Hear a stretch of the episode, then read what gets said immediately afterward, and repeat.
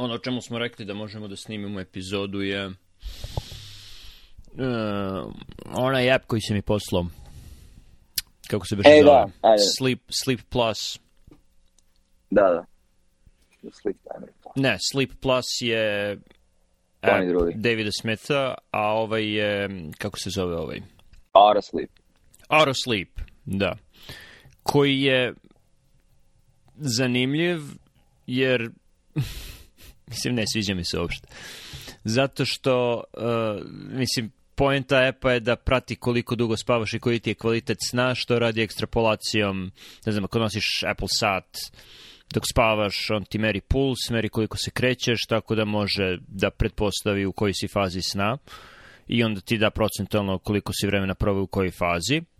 Ok, to radi i Sleep Plus, ali on ti predstavlja te informacije i još gomilu informacija vezane za saturaciju kiseonika tokom sna, e, odnosno saturaciju krvi kiseonikom tokom sna, vezano za variabilitet e, pulsa, vezano za to koji ti je minimalni i maksimalni puls tokom sna.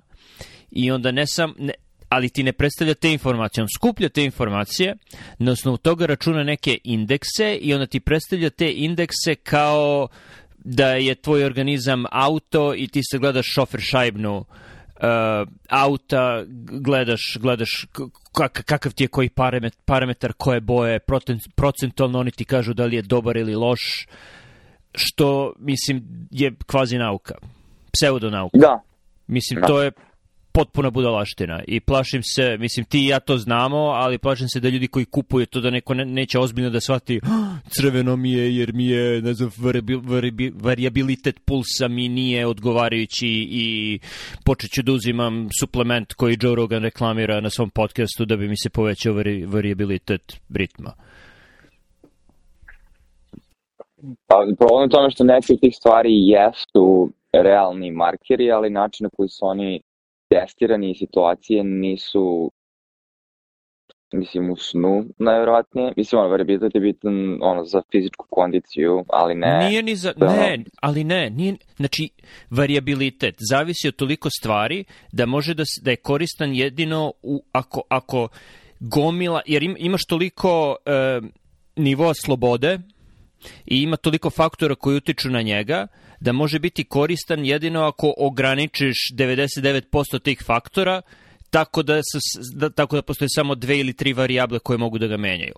To je slučaj u fe, kod fetusa i kod fetusa se i koristi, jer svaki fetus ima istu sredinu pred porođaj i onda znaš da ako ide u ovom ili onom smeru da nešto ili jeste ili nije u redu. Druga situacija je ako staviš nekoga na, na onaj tilt 100 i radiš tilt test, jer onda znaš u kom je položaj organizam i to možeš da kontrolišeš, ali u toku svakodnevnog kretanja, rada, mislim, to je potpuna budalaština. I mislim Da. da ne može da se koristi ni za što drugo. Znači, moraš jako da ograničiš parametre tokom kojih ih meriš i moraju biti strogo kontrolisani uslovi. To je kao kad meriš, znači kao steam test. Vidiš koji ti je nivo kortizola tek kad ti daš kosintropin i znaš da treba da poraste i tako kontrolišeš te uslove. Praviš mini eksperiment. Tako i ovo. Mo može biti korisno samo u, u, iz perspektive vršenja eksperimenta, ali ne može biti korisno ako ga pratiš u toku dana i onda meriš šta tačno. Mislim, šta se još dešavalo u toku dana, što, što je sve moglo da, da utiče na, na, na tu meru. I to je, to je ono što, znači postoji jedan parametar, jedan indeks, jedan test koji je razvijen za tačno određenu stvar i onda se nađe neko pametan da e, ekstrapolira na gomilu drugih stvari za koje, nisu, za koje uopšte nisu primenjive. A pogotovo što, mislim, smo sada u situaciji neki način bez presedana da mnogo ljudi naravno zadnjih u prethodnih nekoliko godina um, imaju sprave koje mogu da mere više nekih fizioloških parametara, a koji nisu ono validirani prospektivno u studijama se zna njihov značaj. Znači, se razumiješ koliko bi bilo recimo korisno nešto poput Apple sata, ili možda čak Apple sat bi mogo da bude donekle surogat za sleep studiju ili bar neki ono screening, a, pa onda da znaš da li treba da na pravu sleep studiju ili ne, za onom sleep apneu, um, ali za to moraš da u studiju i da vidiš koje, su performansi testa i da vidiš da li, stvari šta je tu istina, šta nije. Tako da, da, mislim, ja sam tu aplikaciju u principu skinuo zato što ima, može se podešavaš osjetljivost kreveta, jer mi ona druga detektovala da sam spavao kada nisam spavao. Mm. Ja, tipo, ustanem, pomerim se. Tako da ovde, mislim, taj aspekt, ali da, znači, gomilo ono informacija sa kojima ne znam šta da radiš. Samo, samo ispunjavaju ekran. A si ovo da prošliš neku širu priču, o, pošto znam da imaš neke svoje mišljenje na temu quantified self-a ili... Ne, e, ne toliko za quantified self, koji je pokret koji, on, baš to ljudi koji imaju Apple sat i druge sprave za merenje različitih parametara vole da ih prate. Znači, imam jedan komentar na to, a to je da će se naći neko da kaže, pa da, dobro, možda sada nije korisno, ali ako skupimo sve te podatke, možda tvoje sobstvene podatke kroz vreme ili podatke svih ljudi, tako da, da skupiš sve to, možda će to biti korisno, ali mislim da je tu ono garbage in, garbage out princip da teš, teško da, da, da možeš od ne znam, tolike čorbe e, brojeva bez konteksta mislim da se ne može napraviti ništa smisleno. Mislim... A misliš da čorba brojeva a, u kontekstu pacijenta koji ti dolazi klinik kad mu meriš pritisak jednom a, ono, indik, dobar indikator vrednosti krvnopriska tog pacijenta? Ako se krvni pritisak meri kako bi trebalo da se meri, e, da, ali se uglavnom pritisak ne, ne meri kako treba. Mislim, praviš blanket statement, da mislim da ono sigurno će biti ovaj, mnogo aplikacija za stvari gde ćeš moći koliko toliko da suziš ono, izvor greške ili co-foundere, ali razli, znaš, ako imamo, mislim, dobro, već sada ljudi ono šalju, razumeš, vrednosti svog krvnog pritiska lekaru, ali ide se verovatno ka tome, mislim, ono, ti isto možda sedneš kod kuće budeš miran. Mislim, imaš i holterove monitori, to će dalje da ide ono, sve lakše, sofisticirani, mislim, moći oni verovatno, skoro, možda sigurno postoje neki koji mogu da šalju direktno klinici, da ne moraš ti da donosiš to na čitam, ne, a, da znam.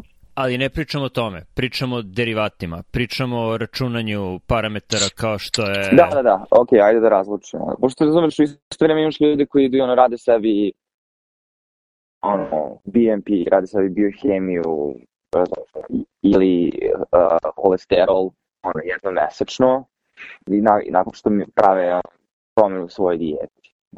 Dobro, i, to da postoje, velike... i tu postoje razlike. Znači, jedno je da. ako neko, ne znam, svakog prvog u mesecu ili svakog četvrtog utorka ujutru našte meri sebi laboratoriju, mislim to je kao kont kontrolisani uslovi i uz to prati koji je promene u ishrani imao i pratio stresove u životu itd. itd.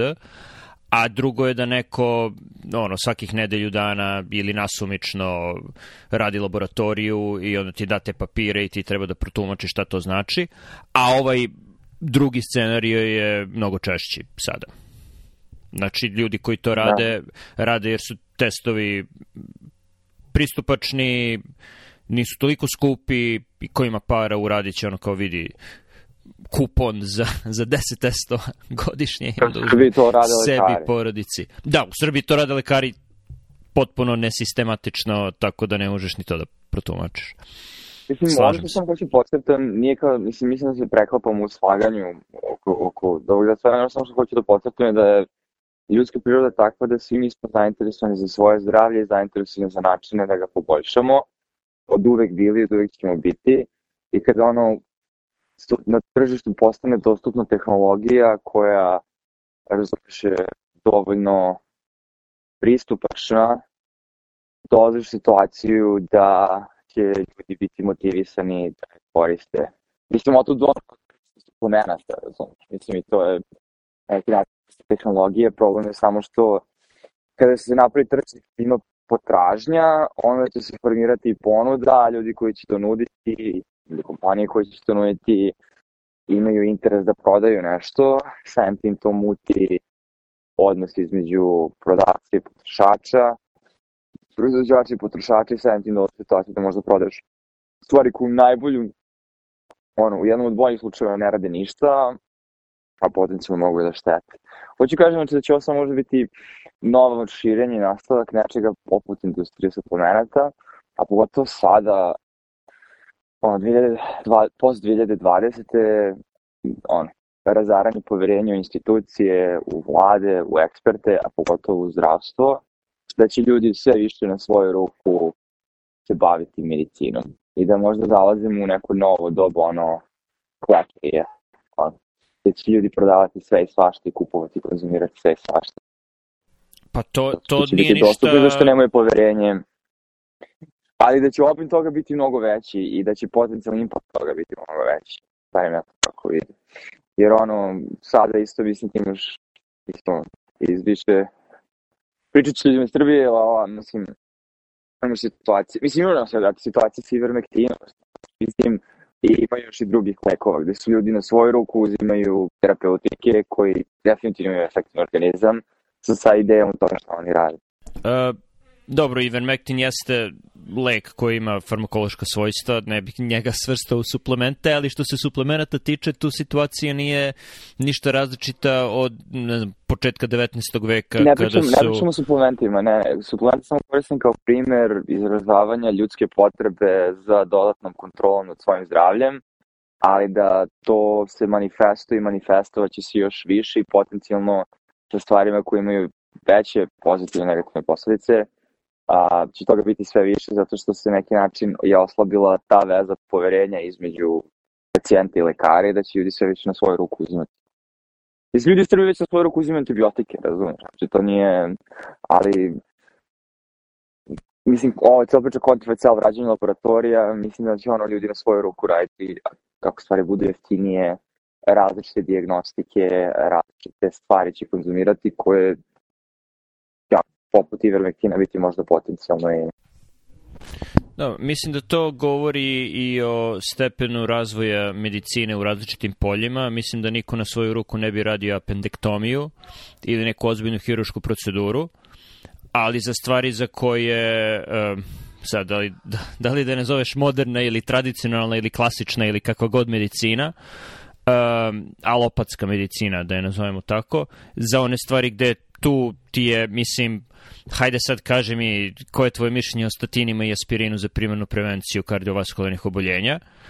Tu ni alopatska medicina nema, nema neki dobar odgovor.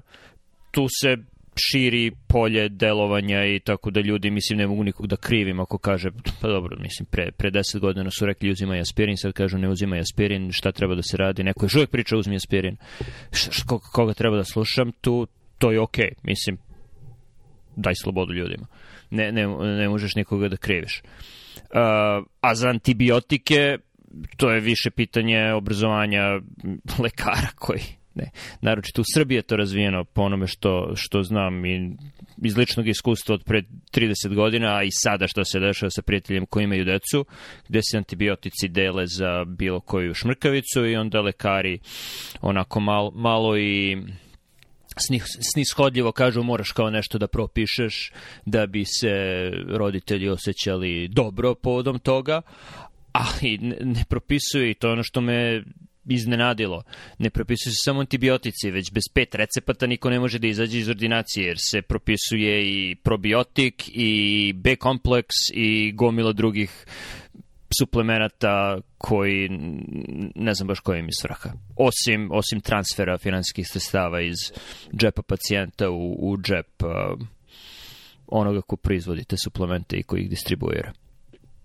Da, ne krivim ja ljude, mislim, ja samo kažem ono, kako mislim da se svi mi ponašamo i kako gledamo na stvari i kako je trenutno situacija, a, da predosjećam da će biti mnogo više a, rađenje stvari na svoju ruku i naravno Znaš, velika razlika između toga da li možda uzmeš skalpel i sečeš sebe i zaštiš sebe ili da uzmeš tabletu i progutaš je. Tako da definitivno postoji, razumeš, ono, postoje područja kojima ne možeš da radiš intervencije, ali postoje područja kojima možeš da radiš jako moćne intervencije. Mislim, primjer toga, koji pamet pameti je je mala populacija i ono, bogati su ljudi, ali razumeš, ono, a, teki silikonske doline koji uzimaju ono, sirolimus na svoju ruku. Znači, koji ono uzime, razumeš, imunosuppresivnu terapiju, ono, inhibitor, mislim... Iz zablude, da se razumemo, iz zablude da će im to produžiti život, jer postoje studije na miševima, pacovima, majmunima, drugim životinskim modelima. Mislim čak da nema primata, gde se to probalo, gde, gde se pokazuje da inhibitori mTOR-a produžavaju život. Je li to da. razlika? Da, da, da. Znaš, i mislim, ono, imaš, i naravno to sad sve pojedinačni primjeri, ali ti primjeri su pojedinačni zato što ono se dešavaju u određenom trenutku u vremenu, tako da je određena dostupnost informacija i dokle su se ideje proširile, možda mi se pravimo grešno što širimo te ideje, ono, ne namerno, ovaj, ali u isto vreme dostupnost stvari. Ali kada bi bilo, razumeš, ko što ono, 90-ih veganstvo je bilo ono u Portlandu, ja znam, ono, bilo je subkultura, ali sada je deo kulture ovde, a sve više deo kulture i na, u svijetu. Mislim, Srbiji ti kad dođeš u restorane, sve više više imaš ono veganske opcije.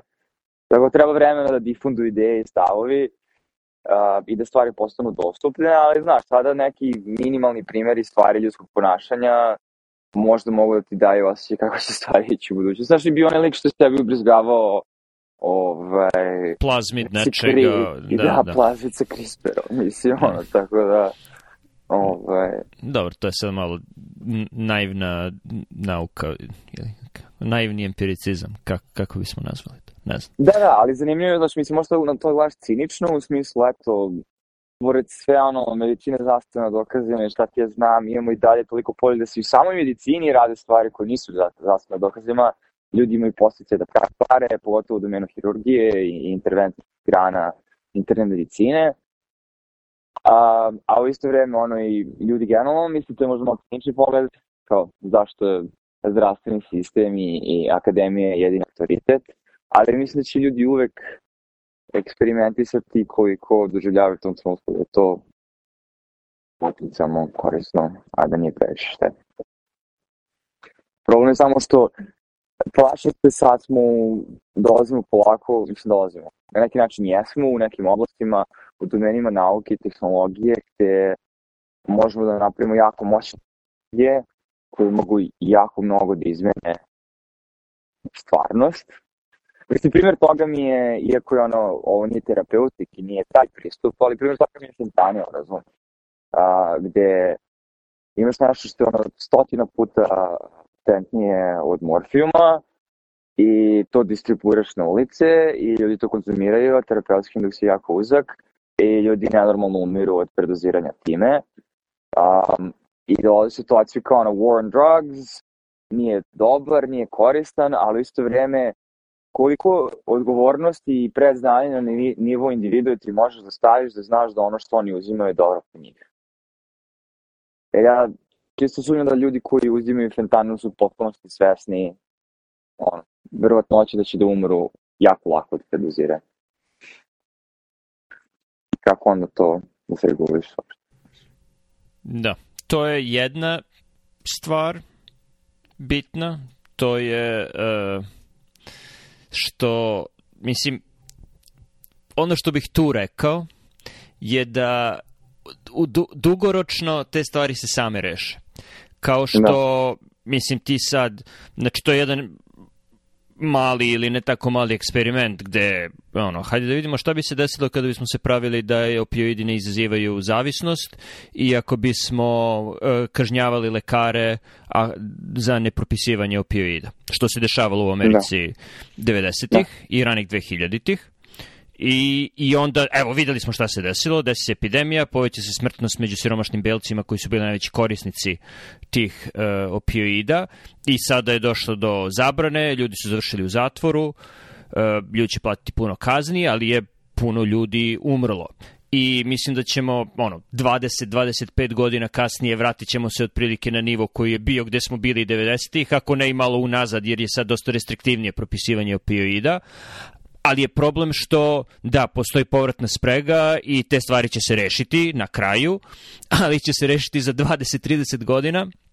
I u nekim slučajevima kod velikih intervencija možda će proći dve, tri generacije da se te stvari razreše, tako da, da ne možeš da se uzdaš u, u povratnu spregu toliko. Mislim, da. možeš dugoročno, ali ne, nekad ne čak ni za naših života. Tako da možemo da kažemo i, i ove klimatske promene. I to zastupaju, da, ljudi su, mislim, ljudi su prilagodljivi i ta stvar će se samo regulisati na kraju. Ono, smanji će se populacija, možda možda će se stabilizovati na nekom nižem održivijem nivou, ali treba preživeti tih 150, 200, 300 godina da se to desi i tih 200, 300 godina možda uopšte neće biti prijatne. Da. Da, stvari malo i možda iluzija modernog doba to da je život velikoj meri predvidiv bez velikih oscilacija. Jer COVID s jedne strane, mislim, za razliku od drugih pandemija kroz koje su ljudi prošli kroz istoriju, razumeš, uge, nije, nije toliko ono, ali naša definicija, naša osjećaj vrednosti ljudskog života, definicija toga šta je opasno, šta nije, se promenila na nivou sigurnosti na koji smo se navikli više generacijski posle drugog svetskog rata, ali to nije ono, Ta ali, budućnost ne znači da je obećana. da, a ne samo to. Mi smo se od drugog svetskog rata, čak i pre, mislim od, od industrijske revolucije, e, čovečanstvo se naviklo ne na stabilnost, nego na stabilni rast. progres, stabilni rast, što definitivno nije bio slučaj većinu, većinu tokom većine istorije čovečanstva.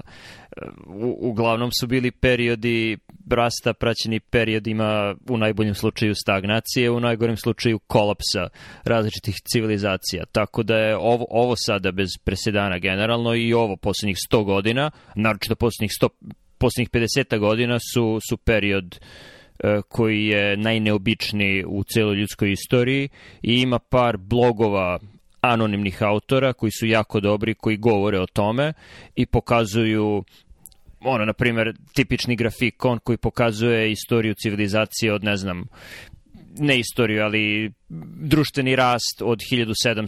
ili 1800. pa do danas i vidiš ono konstantan rast a, a ne pokazuju ono kad bismo, kada bismo to vratili u ono početke čovečanstva kako to izgleda u, u ovom kontekstu i koliko je ta kriva rasta eksponencijalna. Smo ukrenuli u drugom smjeru, sad da se stvarno dovežem na ono prethodno što si rekao povratna sprega, vezano za različite trendove. Cinični deo mene je ono isto vreme različite, da, ali u tom trenutku mnogi individue ili grupe su vrlo bogate u tim a, situacijama, onda kroz svoj novac mogu da utiču na odlaganje te povratne sprege, primjer toga je ono Purdue, razumeš, i cijela ta pravna priča sa te strane i oko sve. A za ovo mislim da i to je isto neki moj ono, neću kažem strah, ali ono, spre, spremni smo na to, to da stvari mogu da idu nizbrdo, ali u isto vrijeme mislim da ono, način na koji su ljudi živjeli, mislim, malo blagi kontrargument, do industrijske revolucije je bio jako sličan u smislu nije toliko dramatično bio različit život nekog ko je živeo u 1550. i nekog ko je živeo u 350. ni nekog ko je živeo on. Znači, do bronzanog doba, čak i bronzano doba. Mislim, u smislu podele rada, brzine tokova i tako dalje. Mislim, naravno, gustine populacije su se menjale, ali to... Ali ono s industrijskom revolucijom, mislim, pa sad nadalje. Znaš, nikad, recimo, u istoriji ljudske vrste, u svih tih podova i uspona, nije bilo situacija da imamo potencijal da povežemo sve ljude na planeti. I da oni svi mogu da komuniciraju jedni s drugima, da komuniciraju svoje potrebe, svoje želje, svoje viđenje sveta. Um, dakle, to mi možda samo onako kao mali tračak najde, na dnu Pandorine kuti. Ove, da sada ipak imamo kapacitet da možda, možda brže da dođemo do rešenja nego da ne, ne idu periodi, razumeš, stagnacije po hiljadu godina, zato što ono, ljudi ne dolaze do novih otkrića i ne razmišljamo kako da rešavamo velike probleme previše. Da, to je ono što sam ja rekao od uh, industrijske revolucije pa do sada su ti uslovi, a, a pre industrijske revolucije definitivno to nije bio slučaj. Ali ja bih zatvorio mm. zagradu i na priču o merenju i, i ovim različitim indeksima i stvarima koje su napravljene za jednu primenu, a koriste se za potpuno neodgovarajuće stvari. Meni je tipičan primer toga koeficijent inteligencije ili IQ, koji je razvijen da bi se merio nivo uh, intelektualne zaostalosti ili retardacije, što je sada, mislim, ne, neprikladan termin u nekim krugovima, ali je dalje, mislim, idiot i debil su i dalje medicinski termini, ne znam da li... Rođac. Kreten, takođe. Drugari, kolegi. A, a, kriterijum. Molim? Ne, kad si rekao idiot, ja bili kreten, nisam mogu da ne uzmem svakodnevnu konotaciju značenja tih reći. A, a, okej. Okay. Tvoje to kolege, su... tvoje, tvoje, ljudi koji te muče. no. Ne, to su... Ljudi, ljudi u savraću, ljudi u savraću. To su to je, termini za ljude, to su termini za ljude čije IQ, ne znam, mislim da je, ako se dobro sećam, idiot je najveći stepen intelektualne zaostalosti sa IQ-em ispod 70 i onda imaš različite gradacije. I IQ je pravljen za to, znači da meri ljude koji nisu sposobni da funkcionišu uh, u toku svakodnevnih aktivnosti kojima je potrebna pomoć, koji su na nivou ono, dvogodišnjeg, petogodišnjeg, sedmogodišnjeg deteta. Iz nekog razloga su ljudi pomislili da skala koja je kalibrisana za niži spektar, znači da, da meri ljudi čiji je uh, IQ niži od proseka, može da se koristi i za, i za merenje višeg spektra, ne shvatajući da većina krivi nije potpuno linearna od nule do beskonačnosti, već je linearna samo u jednom od, od, od, određenom delu za koje je kalibrisana, a da u jako niskim ili još češće jako visokim delovima spektra više nema linearnosti, tako da, mislim, IQ, svako zna šta znači IQ od 70 šta znači IQ od 150, 180, 200, 250, 300. To je, znači, IQ skala nije pravljena za takva neka merenja i ne može se koristiti za to. Drugi moj... Hvala na tome, pošto je moj IQ 110, tako da ovaj, da, ne znači da to Ok. ne, o, ali, ali, ali ozbiljno, znači, ne postoji, ne postoji ono, IQ u tako visokim delovima spektra meri sposobnost rešavanja testova. Ajde da to tako kažem. Meri sposobnost da se dobro uradi IQ test. a, a sa čime sve ne korelira IQ u visokim delovima, mislim to je postoji podugačak spisak stvari sa kojima ne korelira, a to je on, većina stvari koje postoje. Pa, mislim da što ljudi pokušavaju da koreliraju čak i visoki IQ, možda znači nešto u domenu, čak i bez rešavanja testova, bez pripreme bilo čega, jednostavno nekog nivoa abstraktnog razmišljanja, ali definitivno to nije jedini prediktor. Ljudi to sad onda kače za uspešnost, uspešnosti u životu, mislim, ali znaš, IQ ne meri samo kontrolu, recimo. IQ ne meri tvoju sposobnost organizacije u vremenu, koji su možda čak neki način bitniji od inteligencije. No, još mnogo inteligentnih ljudi koji ne mogu da se organizuju u vremenu prostoru i sam ti ne vode vrlo uspešni život, mislim, zato što Ugla, da, uglavnom, da, na, Nasim Taleb je lepo pisao o tome i imao je gomilu Twitter threadova o tome i neko zlurad je rekao, a da, vidim da je Nasim radio IQ test i nije mu se svidao rezultat i zato sad ima u tiradu protiv IQ-a, ali ne, to je... Uh... Ali tim pre ako on imao nizak IQ test, on dokazuje svojim, mislim, ako si uspešan ne, ono, apsolutno. u mnogim domenima, mislim, i kao IQ ti je 100, onda govori o tome koliko IQ test uopšte vredi. To više govori o IQ testu nego o tebi, slažem se.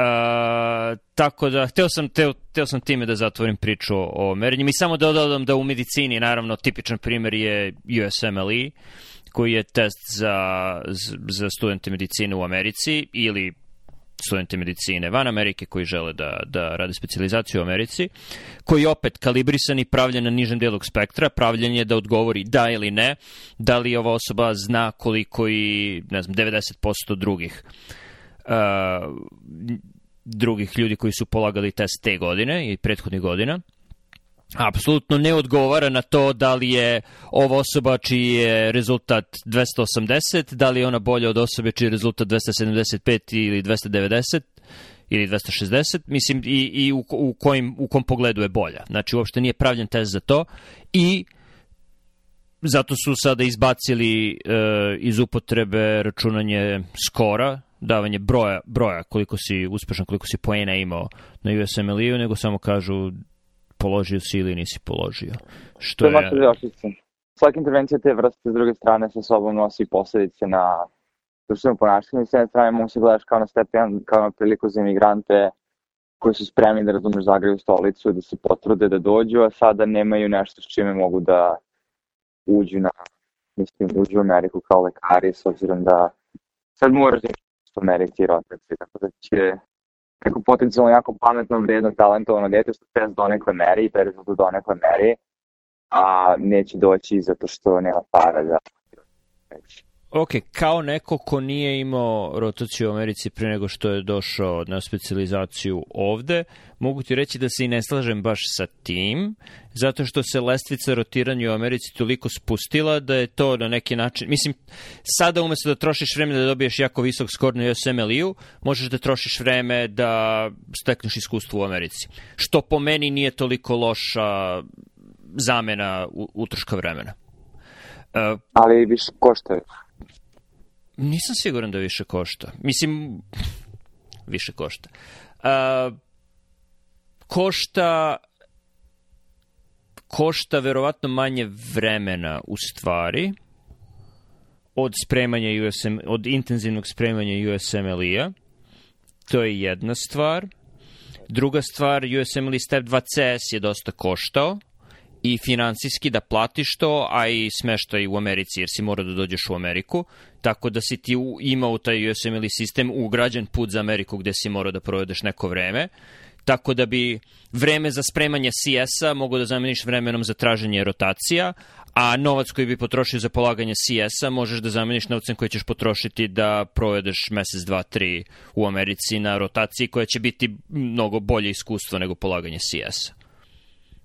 Da, mislim dobro, mislim da je argument da CS zamenjuje taj trošak na neki način. Je, ok, mislim se da vidimo, ali da.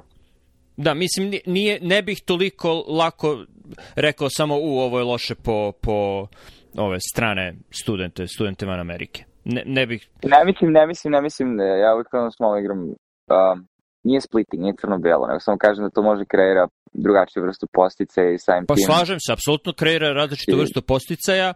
Za ovo, iskren ću biti, nisam puno razmišljao o tome, ali za ovih pet minuta razmišljanja o tome vidiš u kom smeru ide, ide moje razmišljanje, da je da je prevedi trade-off na srpski. Prednosti mane. Da. Cena. Mm. Da je, da je, ok.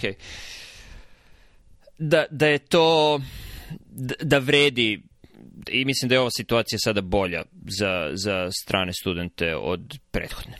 Mislim da, da će to rezultirati boljim iskustvom, čak i ako ne uspeš da dobiješ specializaciju. Da, kompromis možda nije loše. Da, kompromis. Da. Mislim da je to, da taj kompromis vredi. Ali nije baš kompromis, jer kompromis podrazumeva da gubiš nešto, ili, ali pa dobro. trade-off nije, je nije daš da, nešto za nešto. Da, ali kompromis meni se čini ima malo negativni u obojenost. Nije bitno. Ok. Ta, ta zagrada je zatvorena. Zatvorili smo tri zagrade. Ok, odlično.